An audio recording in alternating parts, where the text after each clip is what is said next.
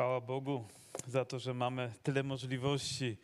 Całe menu przed nami zostało wystawione, więc korzystajmy całymi garściami. Chcę tylko powiedzieć też, że chrzest nas będzie taki troszkę połączony, bo przyjadą osoby z Kutna, które będą, przyjadą osoby z Nysy, by uczestniczyć w tym chrzcie, a więc będzie wydarzenie takie międzyzborowe czy międzymiastowe na skalę Bożego Królestwa.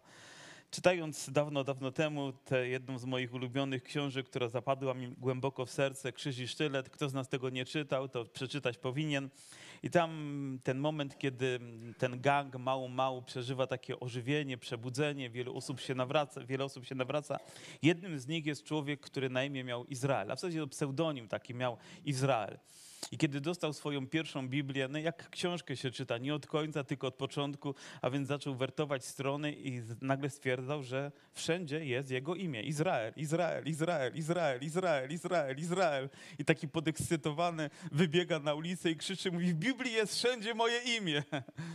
Myślę, że każdy z nas chciałby odkryć, że Jego imię jest w Biblii, a tak naprawdę wiemy, że chodzi o coś więcej, że Bóg zna nasze imię. Z pewnością również takim imieniem, które dość często pojawia się w Biblii, jest Abraham. Wcześniej Abram, później Abraham. E, jeżeli by liczyć, to myślę, że około 300 razy to imię w różnej formie pojawia się w Biblii, a więc dość sporo. Na każdy dzień prawie, że jeden raz możemy w Biblii trafić na, na Abrahama. I gdybym tylko powiedział jedno słowo, z którym mielibyśmy skojarzyć imię, to z pewnością, gdybym powiedział wiara, to wy odpowiedzielibyście Abraham, no bo któż inny mógłby się tutaj pojawić?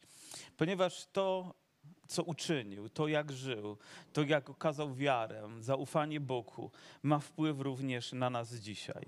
Ten cykl naszych rozważań niedzielnych e, ma taki tytuł, że to proroctwa, które zmieniły świat i wciąż mają wpływ na świat wydarzenia, które miały kiedyś miejsce, odkrywamy, że mają wciąż znaczenie dla nas. I z pewnością taką postacią, która żyjąc przed Bogiem i dla Boga ma wciąż wpływ na świat, jest Abraham.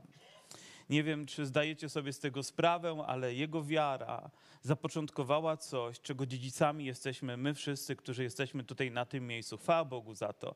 I tak naprawdę nie jesteśmy tylko powołani do tego, żeby przestudiować historię jego życia i fascynować się nią, bo jest czym, ale naśladować jego wiarę i być ludźmi wiary.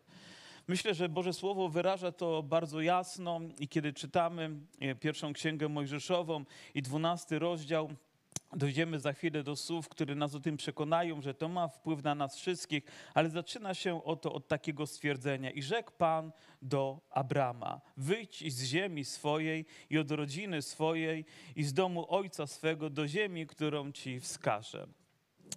Wielu ludzi, historyków zastanawia się, co było powodem, dla którego Abram miał opuścić tę ziemię, by pójść dalej. I oczywiście szukają jakichś różnych możliwości, by tak się stało. Niektórzy uznawali, że to ekonomia go stamtąd wypchnęła. Niektórzy uznają, że to jakieś niebezpieczeństwo, jakieś zagrożenie go stamtąd wypchnęło. Ale tak naprawdę odkrywamy w Biblii to proste stwierdzenie, że Pan przemówił do jego serca. Pan przemówił do jego serca. Nawet niektórzy bibliści mówią, być może względy religijne go do tego jakby pchnęły, widząc kult wokoło siebie, ale ja wierzę temu prostemu stwierdzeniu, że rzekł Pan do Abrama, rzekł do niego, rzekł do jego serca, przemówił tak głęboko, że on poderwał się być może w środku w nocy z głębokim przekonaniem, że nie może być inaczej, tylko pakuje walizki i wyjeżdża z tego miasta. Zostawiając tak naprawdę wszystko, cały cały swój dobytek, całe swoje, chociaż część mienia oczywiście zabiera z sobą, ale rozumiecie te rzeczy, których nie da się ze sobą zabrać. Naprawdę współczuję ludziom, którzy w pięć minut musieli się spakować i opuścić swoje domy. Bo co wtedy, wtedy zabrać? Ale niebezpieczeństwo ich wypchnęło, jakaś inna tragedia może nas z takiego miejsca wypchnąć. A więc spakujemy to, co najważniejsze. Ale dla mnie najważniejsze jest to, że Abram wtedy okazał posłuszeństwo Bogu, że usłyszał ten głos i okazał mu posłuszeństwo, że nie, nie kierował się swoim komfortem, wygodą albo innymi względami ekonomicznymi, nie kalkulował tego, ale postanowił w swoim sercu, skoro Bóg mówił, to ja tak powinienem postąpić. I chciałbym, żebyśmy my, jako ludzie wierzący, byli i w tym naśladowcami. Gdy Bóg do nas mówi, to my pójdziemy tam, gdzie On chce i będziemy czynić to, do czego jesteśmy powołani. Amen. I w tym względzie powinniśmy być Jego naśladowcami, powinniśmy być głęboko przekonani, umieć usłyszeć, wysłyszeć ten głos i okazać Mu posłuszeństwo. A w tym przypadku i wielu innych nie jest to łatwe, gdy Bóg w ten sposób przemawia. Pamiętam historię pewnego człowieka, który był misjonarzem przez wiele, wiele lat i, i poświęcił całe swoje życie aby służyć w różnych niebezpiecznych zakamarkach ziemi, niosąc Ewangelię ludziom, niosąc dobrą nowinę o zbawieniu w Jezusie Chrystusie. I gdy był już w podeszłym wieku, był starszy, był bardzo słaby i nawet nie mógł się sam poruszać, dwaj bracia wyprowadzali go za kazalnicę. Jeden trzymał go z jednej strony, drugi w drugim, a on ledwo wręcz wydobywał głos z siebie, ale miał jedno przesłanie dla wszystkich ludzi, którzy go słuchali. A najczęściej było to w seminariach, gdzie gdzieś, gdzie byli młodzi ludzie, którzy chcieli służyć Bogu. Mówi, jedźcie na misję, jedźcie na misję. A wiecie, to oznaczało zostawić komfort swojego życia i poświęcić się temu, do czego Bóg nas powołuje. Chciałbym, byśmy byli wierni właśnie w taki sposób, naśladując wiarę do ziemi, którą ja Ci wskażę. To znaczy, że on nawet jeszcze nie wiedział, dokąd jedzie. My planując jaką podróż, nawet sobie przystanki zaplanujemy, miejsce, gdzie będziemy jeść, gdzie po drodze jest McDonald's i gdzie jest toaleta i gdzieś jeszcze inne rzeczy, żeby móc się dostać. Już nie mówiąc o tym, że wygooglujemy, czy to miejsce jest odpowiednio dla nas przygotowane, czy komfort nam odpowiada, a on po prostu miał taki one-way ticket. Także ruszył w jedną stronę, nie wiedząc, co go czeka, ale jedno wiedział. Jeżeli Bóg do niego przemówił, to Bóg będzie razem z nim. I to jest gwarancją dla nas, ludzi wierzących, największą gwarancją tego, co powinno być pokojem w naszych sercach, że to nie najważniejsze jest, gdzie jesteśmy, ale z kim jesteśmy.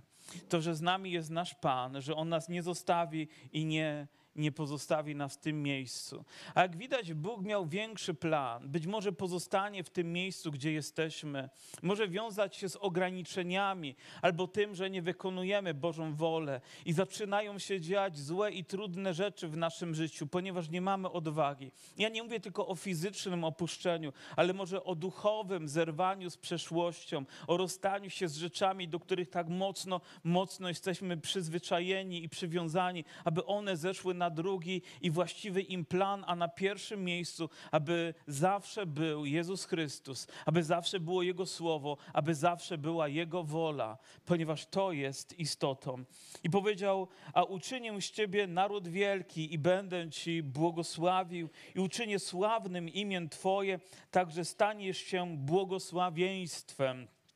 I będę błogosławił błogosławiącym Tobie, a przeklinających Cię przeklinać będę. I będą w Tobie błogosławione wszystkie plemiona ziemi. I będą w Tobie błogosławione wszystkie plemiona ziemi. I myślę, że już to słowo powinno zapaść do naszego serca, ponieważ zgodne jest z tym, w czym wiąże się cykl naszych rozważań, że, że to ma wpływ również na nas ponieważ poprzez to, że Abraham uwierzył w Bogu, wtedy Abraham, że zawierzył swoje życie Bogu, to owocuje z pokolenia w pokolenie, z pokolenia w pokolenie. Więc kiedy mamy wracać do tego, co ma znaczenie, powinniśmy wrócić do źródła, do tego, co jest pierwotne, do tego, co jest fundamentalne dla nas, a tym jest Boże Słowo. Ludzie zapuszczają się do jakiejś części tylko historii i tam się zatrzymują, do jakichś wydarzeń, okoliczności, okoliczności, ale nie, my musimy wrócić do tego,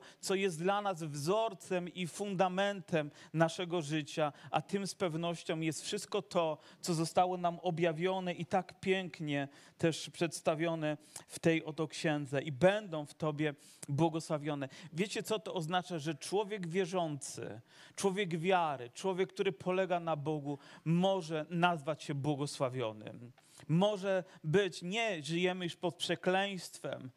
Gdybyśmy pozostali tam, to być może byśmy właśnie w tym uczestniczyli, ale ze względu na to, że okazaliśmy posłuszeństwo, ze względu na to, że wydarzyło się coś wyjątkowego, możemy nazywać się błogosławionymi.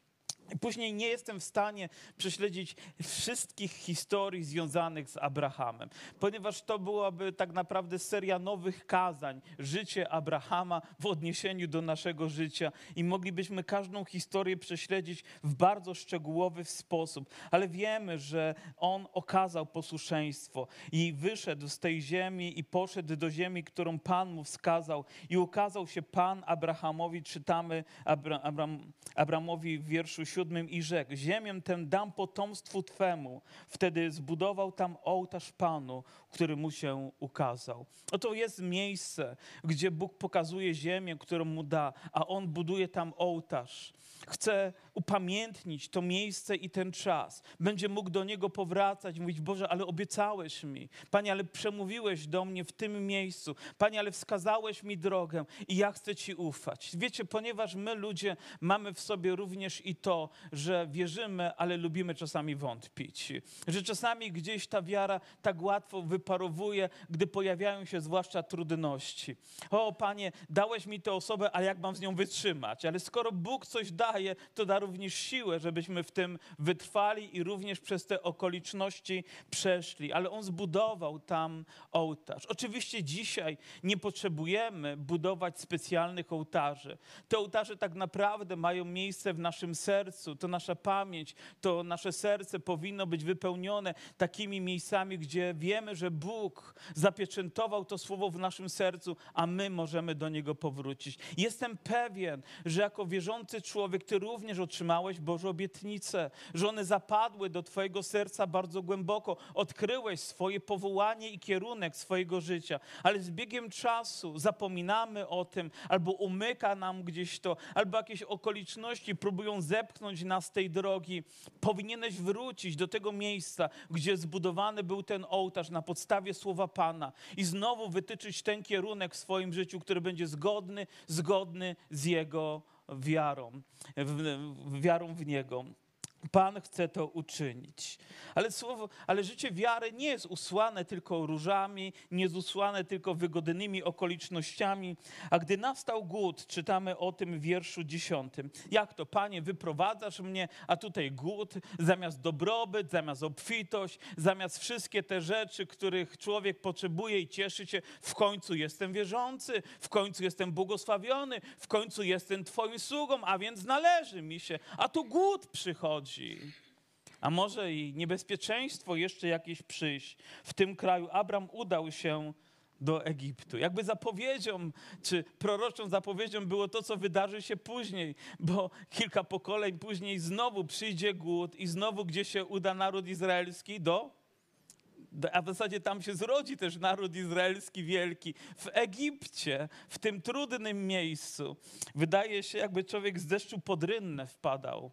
Ale pamiętajcie, że wciąż mamy niezmienną obietnicę, że Bóg będzie razem z nami. Gdy pojawiają się trudności w Twoim życiu, gdy, gdy doświadczasz problemów, to nie oznacza, że Bóg przestał prowadzić Twoje życie. A może właśnie prowadzić się tam, prowadzić się tam, gdzie On chce dokonać czegoś niezwykłego. Ale też jako ludzie wierzący czasami, i muszę to powiedzieć, zawodzimy i dziękuję Bogu za to, że Biblia nie ukrywa tych wszystkich chwil z życia tych ludzi, którzy są dla nas ważni, że mieli pewne słabości w swoim życiu. Wiemy, że e, Abraham miał piękną żonę, która na imię miała Saraj. I wtedy nawet jej powiedział: Wiem, że jesteś piękną kobietą. Wiem, że jesteś piękną kobietą. Ale powiedział to z tego powodu, ponieważ bał się Egipcjan. Wiedząc, że ma piękną żonę, on pomyślał sobie to, co pomyślą sobie oni. To jest taki stereotyp naszego myślenia pomyślę sobie to, co pomyślą sobie oni, że gdy zobaczą, że jego żona jest piękna, to jego zabiją, a ją wezmą sobie za żonę. Więc nie mów mi, że jestem twoim mężem, tylko tylko bratem. Chociaż prawdę powiedziawszy, gdyby moja żona powiedziała, że jestem jej bratem, to prawdę by powiedziała, tylko musiałaby dodać w Chrystusie. Ale tego już oczywiście się tutaj nie dowiemy. Mów więc, że jesteś moją siostrą, aby dobrze mi się wiodło. Wiemy, że to sprowadziło problemy na faraona, który wziął sobie za żonę jego, e, za żonę jego żonę. I to było niewłaściwe, przyszły plagi, ale przyszło też i upamiętanie. I rzeczywiście mm, sytuacja ta zmieniła się. Chcę tylko podkreślić to, że że ludzie wierzący czasami mają chwilę swoich słabości. Czasami po prostu po ludzku boimy się i czasami nie mówimy do końca prawdy ze względu na nasze bezpieczeństwo. Czy komuś z Was się to zdarzyło w życiu? Chociaż raz przemilczeć jakąś rzecz. O, nikt ręki nie podnosi, same anioły tu na tym miejscu. Ale gdybyśmy przyjrzeli się pewnie historii naszego życia, to takie chwile, albo przynajmniej takie pokusy pojawiają się. Ja już wam opowiadałem, jak na nabożeństwo szedłem i, i gromada ludzi mnie otoczyła, młodych ludzi. Wiedziałem, że jak przyznam się, że jestem Zagórza, to żywy z Dąbrowy nie wyjdę. To było w takich czasach. Ale ja urodziłem się w Dąbrowie urodziłem się w Dąbrowie i pytali skąd jesteś. On powiedział oczywiście, że z Dąbrowy, ale to była część prawdy, bo mieszkałem w Zagórzu. Urodziłem się tutaj i powiedziałem tylko to, że jestem bratem. Ale nie do końca było to prawdą. Czasami mamy chwilę słabości, rozpłakałem się w domu, pokutowałem z tego i powiedziałem, Boże, nigdy więcej. Następny raz, gdy się przyznałem, to mnie pobito, ale przeżyłem. I oto czytamy dalej historię, wiersz, 13 e, rozdział, 9 wiersz. Czyż cały kraj nie stoi przed Tobą otworem? Odłącz więc się ode mnie. Jeśli chcesz pójść w lewo, ja pójdę w prawo, a jeśli chcesz pójść w prawo, to ja pójdę w lewo. Sytuacja dotyczy tego, że wraz z, z Abramem wyszedł jego, jego ojca, e, jego brata syn, czyli to będzie jego bratanek, który na imię miał Lot. I oczywiście Bóg im błogosławił ich stada zaczęły się pomnażać i zaczęło dochodzić do konfliktu między pasterzami Abrama i pasterzami Lota. A więc gdzieś tam na polach kłócili się, do kogo należą te łąki, które mają skubać ich zwierzęta.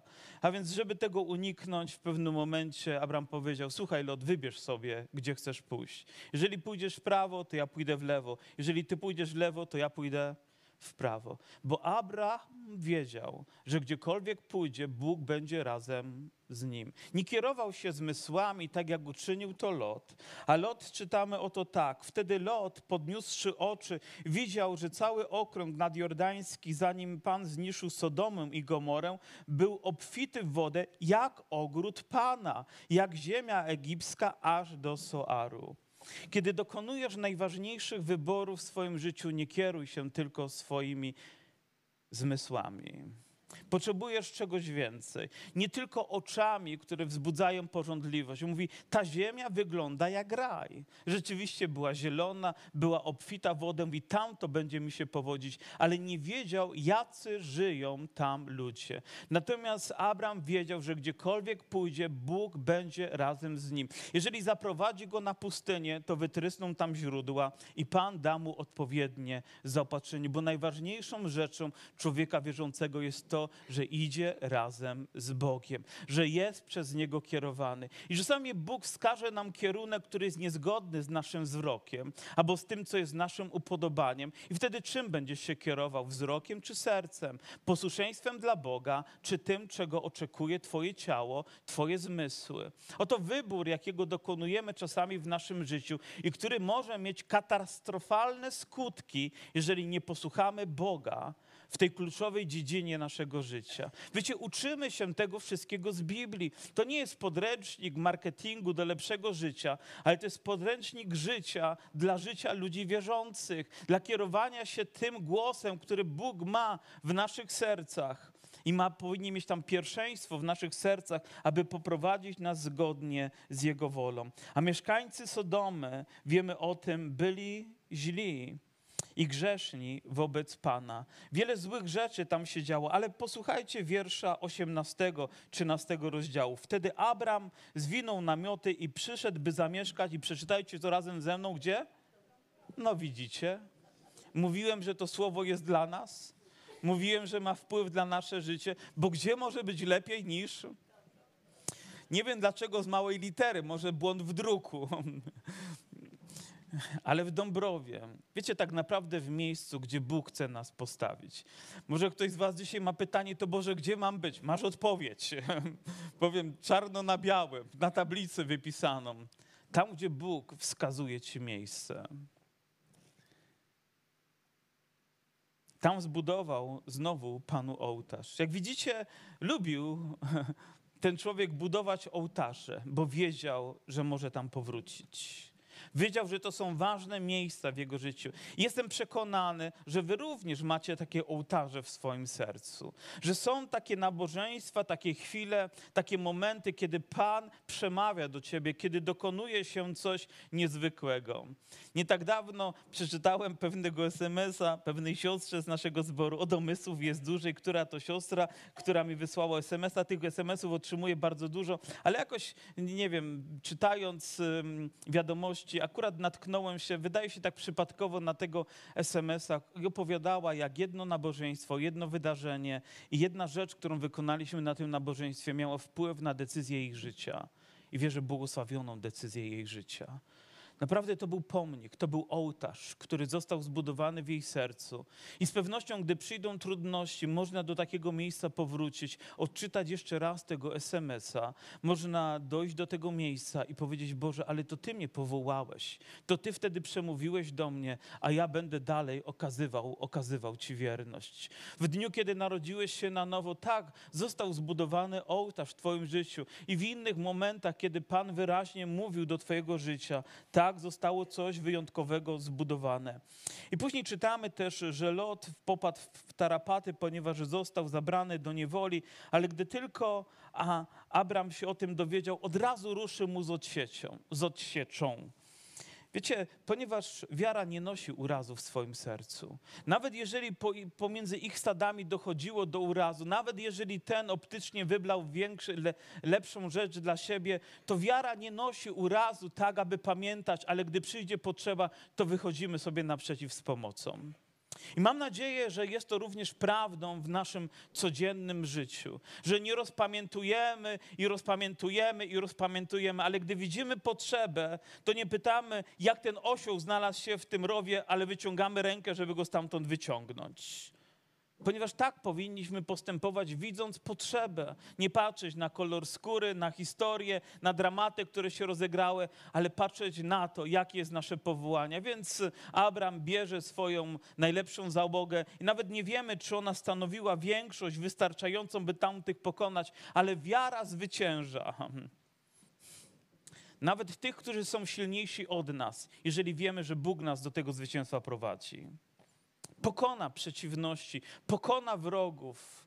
Jeżeli Dawid pokonał Goliata, to dla Boga nie ma rzeczy niemożliwych. Nie ma takiego wroga, który mógłby stanąć na naszej drodze i którego nie moglibyśmy pokonać. Myślę sobie, jak wielu teraz wierzących ludzi na Ukrainie pewnie te fragmenty Bożego Słowa czyta ale nie chcę się do tego odnosić bezpośrednio. A gdy Abram usłyszał, że bratanka jego wzięto do niewoli, uzbroił swoich 318 wypróbowanych ludzi urodzonych w jego domu i ruszył w pościg aż do Dan. Wiecie dlaczego? Ponieważ oni byli wychowani w jego domu, on miał do nich zaufanie. On wiedział, że gdy stanie do walki, oni się nie obrócą i nie odejdą, nie pozostawią go samych na polu bitwy. Myślę, że znaczenie dla nas ma to, z kim idziemy również w bój. Ja bym chciał iść z ludźmi, o których wiem, że mogę na nich polegać. Wiem, że nie złamią tego szeregu, w którym razem staniemy, nie wycofają się i ja sam zostanę na polu bitwy, ale będą tam razem ze mną, będą we dnie i w nocy, będą w niebezpieczeństwie, będą w trudnościach, może na śmierć i życie, będą aż do końca. Powiecie, czyż nie tak również powinien postępować Kościół, który jest pełen wiary? Że stajemy ramię w ramię. Słyszałem kiedyś pewną historię o zborze, to było w Rumunii w czasach komunistycznych i jakiemuś tam dygnitarzowi wtedy nie spodobało się to, że jest zbór ewangeliczny i może nawet dlatego, bo słyszał, że jego żona się nawróciła, więc tym bardziej mu się to nie spodobało i postanowił zburzyć ten budynek. Oni budowali go latami, a on chciał przyjechać z pychaczami i zburzyć ten budynek.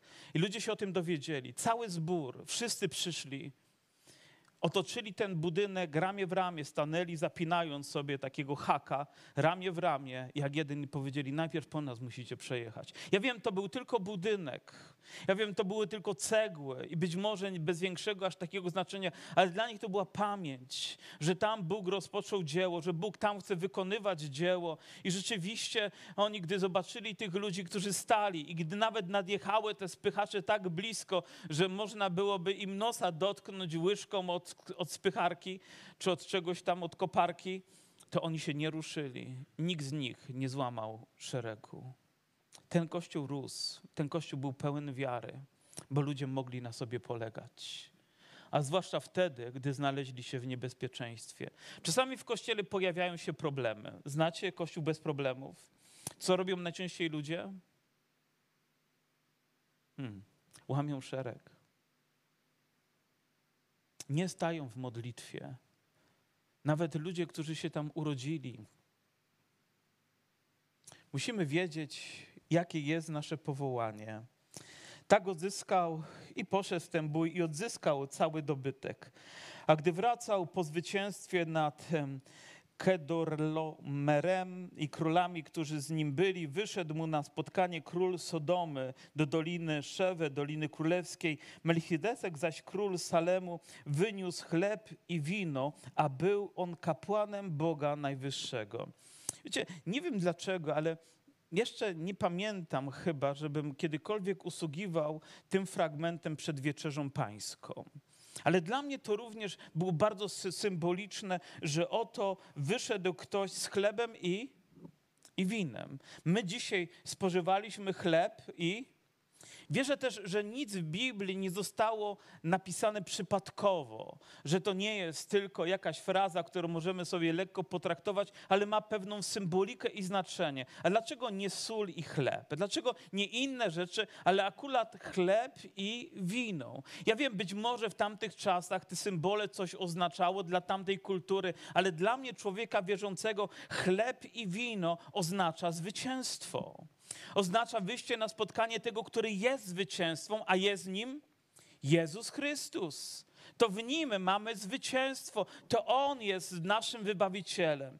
W tym momencie, oczywiście, Abraham był wybawicielem tylko dla tych, którzy wtedy z tego skorzystali. Tak samo jak pewnie i inni, później patriarchowie w jakimś momencie, i włącznie z Józefem, który też jest symbolem czy obrazem e, zbawiciela, który przyszedł później 2000 lat później, aby wybawić lud swój od grzechów. To ma dla nas znaczenie. I później i błogosławił mu, mówiąc: Niech, będą, niech będzie błogosławiony Abram przez Boga Najwyższego, stworzyciela nieba i ziemi. I niech będzie błogosławiony Bóg Najwyższy, który wydał nieprzyjaciół w Twoich ręce Twoje, a Abram dał mu dziesięcinę ze wszystkiego. I to znowu reakcja Abrama na to, co co zrobił z głębi swojego serca, na to, co też wydarzyło się w tym miejscu. Złożył dziesięcinę. Dziesięcina jest takim problematycznym tematem czasami w kościele. Niektórzy ludzie, gdy myślą o dziesięcinie, to mówią: O, chcą nas oskubać z pieniędzy. Albo niektórzy powiedzą: O, chcą od nas, żebyśmy wrócili do zakonu. Ale gdy czytamy tę historię, dowiadujemy się, że to nie jest część zakonu.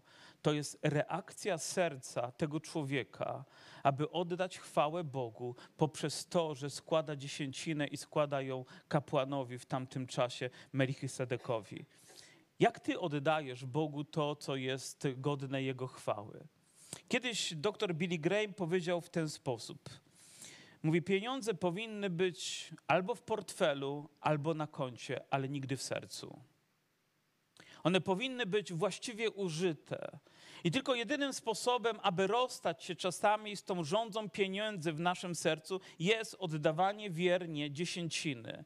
I to nie, wiecie, myślę sobie, że to jest dziesięcina, umawiam się, że to jest dziesięcina, ale dla mnie dziesięcina to dziesięcina. Dla mnie dziesięcina to oznacza, że gdy dostaję tysiąc złotych, to sto złotych przeznaczam na część Bożego Królestwa. Jeżeli dostaję dziesięć tysięcy złotych, życzę takim, żebyście dostawali, to oddam tysiąc złotych na rzecz, na rzecz funkcjonowania społeczności czy zboru i jestem w tym wierny.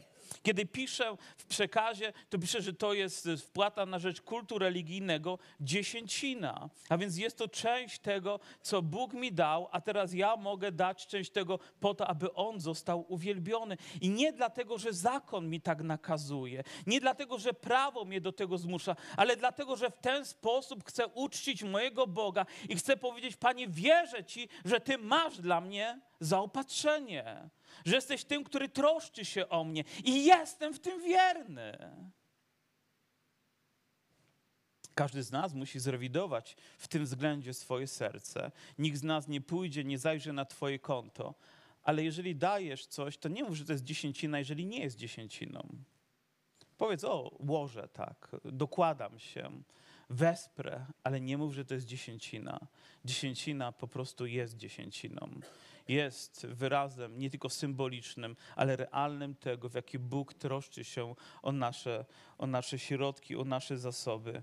I dajemy Mu po to, żeby Go uczcić. Wiecie, a, a nie daje tutaj wtedy dziesięciny, mówi, o, bo jak dam Bogu dziesięcinę, to Bóg da mi więcej. Nie, nie robi w ten sposób i nikt z nas nie powinien w ten sposób kalkulować. Daje, ponieważ chce uwielbić Boga Chcę pokazać Bogu, że ufam Mu we wszystkim i również to jest wyrazem mojej wiary i zaufania w tym, że Pan ma moc o wszystko się zatroszczyć w moim życiu. Lecz Abram odpowiedział królowi Sodomii: Podnoszę rękę swą do Pana, Boga Najwyższego i Stworzyciela nieba i ziemi, i nie wezmę ani nitki, ani rzemyka sandałów, ani niczego z tego wszystkiego, co należy do ciebie. Odpowiedział królowi Sodomy, który mu powiedział: To zabierz sobie dobytek, ale tylko oddaj mu ludzi, abyś nie mógł powiedzieć: Ja wzbogaciłem Abrama.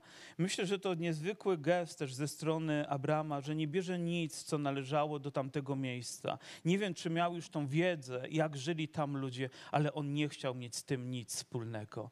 Wiara nie pozwala nam sięgać do źródła, które jest skażone do źródła, które jest złe. Myślę, że są obszary być może nasze, naszego życia, gdzie nie, czy, czy funkcjonowania naszej gospodarki, gdzie my nie powinniśmy uczestniczyć. Nie wiem, czy człowiek wierzący powinien na przykład parać się sprzedażą alkoholu, czy papierosów, czy innych złych rzeczy, które mogą zatruwać życie ludzi, czy powinniśmy w tym świadomie uczestniczyć. Może nawet za cenę jakiegoś bólu, zmiany naszej profesji, powinniśmy wiedzieć, że to nie jest właściwe. Nawet jeżeli jest to trudne. Dzisiaj mówię, a to tylko praca, a może a to tylko zarobek, a to tylko pieniądze. Myślę, że postawa tutaj Abrama była zupełnie inna. Nie chcę, nie chcę nawet sznurówki, nie chcę nitki, nie chcę guzika, nie chcę nic, co należy do Ciebie, ponieważ byś nie powiedział, że zbogaciłem się tym od Ciebie. Nie, nie wezmę.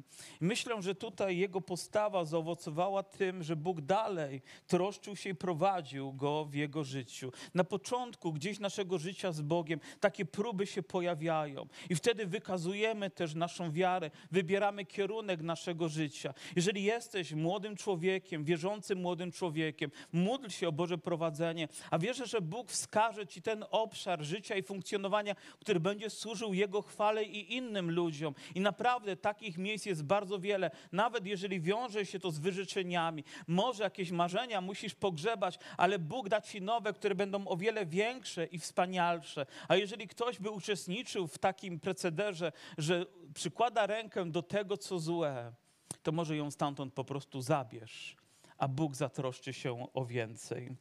I Bóg w 15 rozdziale czyni również coś niezwykłego. Po tych wydarzeniach doszło Abrama w widzeniu następujące słowo Pana: Nie bój się, Abramie, ja mię starczą Twoją, zapłata Twoja będzie sowita. Bóg zatroszczy się o swój lud zapłata Twoja będzie sowita, ponieważ jesteś człowiekiem wiary. I znowu da, czytamy dalej, wówczas doszło go słowo Pana, nie ten będzie dziedzicem Twoim, lecz ten, który będzie mm, pochodził z wnętrzności Twoich, będzie dziedzicem Twoim. Potem wyprowadził go na dwór i rzekł, spójrz ku niebu i policz gwiazdy, jeśli możesz je policzyć i rzekł do niego, tak liczne będzie potomstwo Twoje. Nie wiem, czy mieliście okazję wyjechać za miasto, miasto i spojrzeć w niebo. Gdy była piękna pogoda, gdy nie było nawet obłoczka na niebie, nie światła gdzieś w pobliżu, które próbują nam zabrać ten piękny obraz, ale daleko, poza cywilizacją, gdzie nie ma świateł miasta, gdzie nie ma reflektorów ludzkich, ale jest tylko czyste niebo i spojrzeć w nie i zobaczyć tą bezkresną ilość gwiazd, którą Bóg tam umieścił. Kto z Was miał tak niezwykłe doświadczenie? Wtedy nie było miast, wtedy nie było reflektorów. Abraham spojrzał wtedy w niebo i zobaczył Bożą obietnicę. Mówi, tak liczne będzie potomstwo Twoje. I nawet gdyby próbował liczyć, to po już trzech sekundach już by się zgubił. Po minucie to już by w ogóle dostał chyba jakiś zawrotów w głowie, a po godzinie to by się rozłożył na łopatki. Nie był w stanie tego zliczyć. To tak jakbyśmy próbowali wziąć garść piasku i policzyć ziarna. I za każdym razem ktoś by liczył obok nas i byśmy się pomylili. Po prostu wręcz nie do, nie do zrobienia robota. Bóg mówi, tak liczne będzie potomstwo Twoje, które przekracza zdolność nawet Twojego wyobrażenia, bo tak Bóg błogosławi ludzi wiary tak Bóg czyni o wiele więcej w naszym życiu niż my zaplanowaliśmy, gdzie pragnęliśmy dojść. Mam nadzieję, że również i Twoje życie jest tego świadectwem, że Bóg prowadzi Cię każdego dnia, a jeżeli nawet nie doprowadził Cię jeszcze do celu, to uczyni to. Proszę, zaufaj Mu, polegaj na Nim całym swoim sercem. On pokazuje Ci coś i wydaje się to niemożliwe, bo nawet nie ma potomka jeszcze wtedy, a Bóg mówi, tak będzie liczne potomstwo Twoje. Być może Bóg Cię do czegoś wzywa, mówi, ale nie mam możliwości, żeby to zrobić. Mówi, ale Bóg to mówi, więc zaufaj Mu w tym całym swoim sercem. A Pan ma moc to uczynić w Twoim życiu. Wtedy uwierzył Panu. Hm. Wiersz szósty. Wtedy uwierzył Panu, a On poczytał mu to ku usprawiedliwieniu. Wtedy coś wydarzyło się w jego sercu. Spojrzał mi, Boże, dobrze ufam Ci chcę polegać na Tobie i wiem, że tak uczynisz. Potem rzekł do niego, jam jest Pan, który Cię wywiódł z Ur Chaldejskiego, aby Ci dać tę ziemię w posiadanie. I oczywiście w tym momencie on fizycznie jeszcze nie ma całej ziemi, ale Bóg mówi, cała ta ziemia będzie należeć do mojego ludu. I wiecie, że to jest z pokolenia w pokolenie prawdę dotyczącą narodu izraelskiego. Nikt nie ma prawa do tej ziemi, tylko jego lud.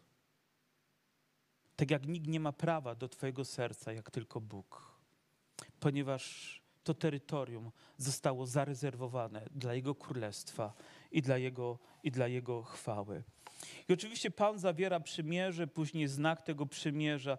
Pan zmienia imię Abrama na Abrahama, co jest również znaczące, ale przychodzi później test w jego życiu, test wiary, gdy już pojawia się potomek. Pomijam kilka rozdziałów, ponieważ nie jesteśmy w stanie, tak powiedziałem, prześledzić wszystkiego, co jest opisane dotyczące życia Abrama i później Abrahama, ale w 22 rozdziale dowiadujemy się czegoś, co z pewnością wstrząsnęło sercem tego człowieka. A po tych wydarzeniach wystawił Bóg Abrama, a przepraszam, Abrahama na próbę i rzekł do niego: Abrahamie, a on odpowiedział: Oto ja. Wiecie, nim usłyszał słowa, powiedział: Oto ja. Nie wiem, czy gdyby znał dalszą treść, byłby tak odważny, żeby to powiedzieć. Jak wielu z Was dzisiaj, bez względu na to, czego Bóg by oczekiwał, byłoby gotowe wiedzieć: Panie, mów do mnie, bo sługa Twój słucha. Panie, przemów do mojego serca bez względu na to, ile będzie mnie kosztować w moim życiu. I, I, powiedział do niego: Weź syna swego, jedy, jedynaka swego, Izaaka, którego miłujesz, którego miłujesz i udaj się do kraju Moria i złóż go tam w ofierze całopalnej na jednej z gór, o której ci powiem. Z takiego miejsca człowiek miałby ochotę uciec i powiedzieć: Nie, nie, nie chcę przez to przechodzić. Jak można w ogóle myśleć o tym, że syn, jego jedyny syn, jego umiłowany syn, ma być złożony w ofierze, ma być zabity, mówiąc potocznie, w miejscu, które Bóg mu wskaże. Ale Abraham powiedział: Oto ja, panie. I bez względu na to, jak głęboko musiał przełykać te łzy goryczy do swojego serca, rusza w tę drogę, trudną drogę dla niego. Nie wyobrażam sobie, co człowiek przeżywa, stawiając każdy krok w takiej podróży. Nie mówię nawet o czasie, tylko o każdym kroku, o każdej sekundzie życia, o tym, że zaraz ma się wydarzyć jakaś wielka tragedia, która go tak bardzo, bardzo zaboli. Ale wiara w Boga przezwycięża trudności. Pomimo to stawia kolejny i kolejny i kolejny krok. Bóg czasami wystawia nasze życie na próbę. Czasami przychodzą doświadczenia, ale wzywa nas, byśmy zaufali Mu do końca. Czym byłaby nasza wiara, jeżeli ona nie byłaby sprawdzona w tyglu doświadczeń, w jakichś płomieniach ognia, w próbie, przez które przechodzimy? Czym by ona była? Byłaby tylko prozą, a nie poezją.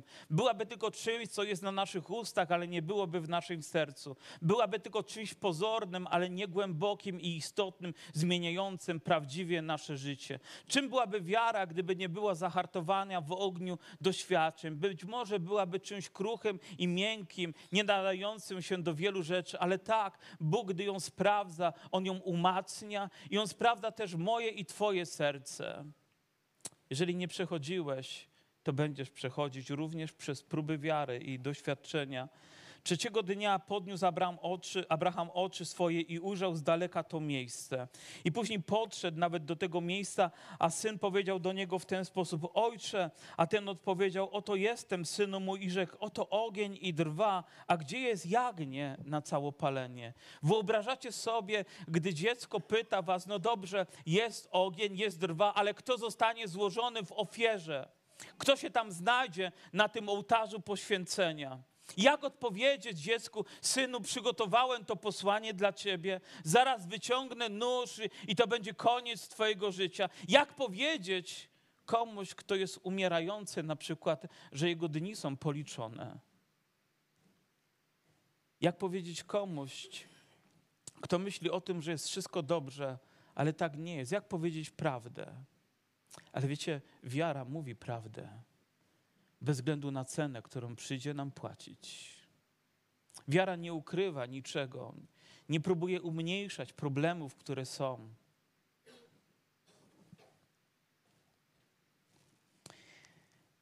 I wyciągnął Abram swoją rękę i wziął nóż, aby zabić syna swego, lecz anioł pański zawołał nań z nieba i rzekł: Abrahamie, Abrahamie, a on rzekł: Oto ja. Po raz kolejny mówi, oto ja, gdy Pan go wzywa i rzekł, nie podnoś ręki na chłopca i nie czyń mu nic, bo teraz wiem, bo teraz wiem, że boisz się Boga. Mam pytanie, czy Bóg wcześniej nie wiedział? Mówi, ale teraz wiem, że ty naprawdę boisz się Boga. Czy nie właśnie takie sytuacje sprawdzają naszą wiarę? Czy nie również o tym mówią i listy apostolskie, że wiara nie jest tylko wewnętrznym stanem, ale jest też treścią naszego życia, że sprawdza się, gdy będziemy doświadczani do końca naszych dni, gdy będziemy wierni naszemu Bogu. I oczywiście znalazła się ofiara i nazwał Abram to miejsce Pan zaopatruje, dlatego mówi się na górze Pana jest zaopatrzenie. I później czytamy: Przysiągłem na siebie samego, mówi Pan, ponieważ to uczyniłeś, nie zbraniałeś się ofiarować mi jedynego syna swego, będę ci błogosławił obficie i rozmnożę tak liczne potomstwo Twoje, jak gwiazdy na niebie i jak piasek na brzegu morza, a potomkowie Twoi zdobędą grody nieprzyjaciół Twoich i w potomstwie Twoim błogosławione będą wszystkie narody ziemi za to, że usłuchałeś głosu mego. I moglibyśmy powtarzać w nieskończenie te frazy, która pojawia się, że w Tobie błogosławione będą wszystkie narody. Ale czy choć trochę udało mi się naświetlić w Waszych sercach obraz, przez co przychodził ten człowiek? Że jego wiara to nie było takie tylko przychodzenie w niedzielę na nabożeństwie, gdy tylko dzwonek by zakończył nabożeństwo, to wychodzimy od razu i idziemy, żyjemy swoim życiem. Ale to było codzienne kroczenie za Panem Jezusem, tak naprawdę rozumiejąc słowami Nowego Testamentu Testamentu, za swoim Bogiem, naśladowanie Go, wykonywanie Jego słowa, bycie wierny wszędzie tam, gdzie Bóg nas powołuje i to do czego nas powołuje, abyśmy byli zdolni wykonać Jego wolę, czy to mi się podoba, czy mi się nie podoba, czy pada słońce, czy jest deszcz, czy mnie to kosztuje więcej, czy mniej, to jestem po prostu Bogu wierny, że nawet w takich prozaicznych rzeczach codziennego życia Bóg może nas sprawdzać, wystawiać naszą wiarę na próbę, abyśmy, aby usłyszał, czy mówimy prawdę, czy też zamilkniemy, czy wyznamy Go, czy odwrócimy się w tym miejscu, zapierając się Jego imienia. Bóg chce, aby Jego lud był pełen wiary. I to błogosławieństwo jest w, w Jego Synu, Jezusie Chrystusie oczywiście, ale też wiemy, że zapoczątkował to Abraham, a wcześniej Abram, gdy okazał po prostu wierność Bogu. Chciałbym jeszcze jeden fragment na koniec przytoczyć, gdy Paweł pisze do listu, w liście do Galacja, do tego zboru. Mówi, jak to jest, że rozpoczęliście w duchu, a kończycie w ciele. Jak to jest, że rozpoczęliście z wiarą, a później przeszliście tylko do codziennego próbowania wypełnienia przykazań i poprzez nie osiąganie tylko tego, tego, co możecie osiągnąć przez wiarę. Jak to jest, że słuchaliście z wiarą i byliście pełni ducha, a teraz tylko przychodzicie i narzekacie i jęczycie? Jak to jest, że wasza wiara tak szybko stopniała? Co się wydarzyło w waszym życiu? I daję za przykład tutaj również Abrahama, który był pełen wiary, aby podnieść ten zbór, aby wyciągnąć go z tego dołu rozpaczy, w którym się znalazł, aby przekierować ich serce na to, że tylko przez wiarę możemy coś zyskać, że możemy gdzieś dojść i możemy uczcić prawdziwie Boga. I tak naprawdę mówi o tym, że to nie jest tak, że wyjdziesz z tego miejsca, uczynisz i wrócisz, bo jesteś pełen wiary, ale dlatego, że tutaj jesteś pełen wiary, wrócisz tam, aby wykonać to, co Bóg dla ciebie zaplanował. To nie jest tak, że zbawienie uzyskujesz dlatego, że tam coś zrobisz, ale dlatego, że Bóg tutaj cię zbawia, idziesz tam i czynisz coś dla Niego. Czynisz to w sposób pełen oddany i poświęcenia, bo wciąż niezmiennie masz wiarę w swoim sercu. I na końcu odnosi to oczywiście do Pana Jezusa Chrystusa, mówiąc w ten sposób: Otóż obietnice dane były Abrahamowi, potomkowi jego. Pismo nie mówi potomkom jako o wielu, lecz jako o jednym. I potomkowi Twemu, a tym jest kto? Chrystus. A tym jest Chrystus. Cała definicja naszej wiary zawiera się w tym, by doprowadzić nas do Chrystusa, do relacji z Nim i wszystko, co może z Niego wynikać. I dlatego w Chrystusie jesteśmy błogosławieni, my wszyscy, którzy do Niego przychodzimy. Paweł mówi, już nie ma Żyda, już nie ma Greka, już nie ma obrzezanego i nieobrzezanego. Są tylko ci, którzy przyszli do Chrystusa i stali się Jego dziećmi. Oczywiście wciąż możemy należeć do różnych kultur i do różnych narodów, ale w Jezusie Chrystusie poprzez wiarę stajemy się Bożym ludem, który Bóg chce błogosławić. A zapoczątkował to Abraham, gdy uwierzył Bogu, gdy oddał swoje życie, gdy zbudował pomnik, gdy okazał mu wierność. I dzisiaj podobnie i my, przychodząc do Chrystusa, nie czynimy tego w lekki sposób, lekceważący sobie, o, gdzieś tam, Panie Jezu, umarłeś, ale dzisiaj, doświadczając Jego ofiary, wiem, że żyję dla Niego. Wiem, że gdy On ma wiarę w moim sercu, a ja dla Niego wierzę, w Niego wierzę całym sercem, to nie ma rzeczy niemożliwych. Wiem, że napełnia mnie swoim duchem przez wiarę. Wiem, że wychodząc z tego miejsca, pokonam trudności, które pojawią się w tym tygodniu, a może nawet dzisiejszego dnia. Wiecie dlaczego? Bo za zaprę się samego siebie, zaprę się czasami nawet moich uczuć, moich emocji, by tylko wykonać to, co jest Bożą wolą dla mojego życia, bo mam przykład, bo mam wzór, bo mam źródło, z którego mogę czerpać. Mam przykład w Abrahamie, ale mam źródło w Jezusie Chrystusie który przychodzi, aby napełnić mnie swą obecnością, abym był człowiekiem pełnym wiary. Więc wychodząc z tego miejsca, nie mów, nie poradzę sobie, nie dam rady, to jest niemożliwe. Jeżeli wierzysz, to to wszystko stanie się możliwe. Wychodząc z tego miejsca pełnym wiary, nie będzie dla ciebie rzeczy, z którą się nie uporasz w swoim życiu. Nie będzie trudności, przed którą ugniesz się, ale przejdziesz dalej, stawiając kolejny krok, wiedząc, że Twój Pan jest razem z Tobą. Aby nikt z nas tylko z tego miejsca nie musiał wychodzić sam. ale byśmy mogli wszyscy wyjść pełni, pełni naszego Pana, pełni Jego ducha, pełni wiary we wszechmogącego Boga, dla którego nie ma rzeczy niemożliwych. Nie ma rzeczy niemożliwych.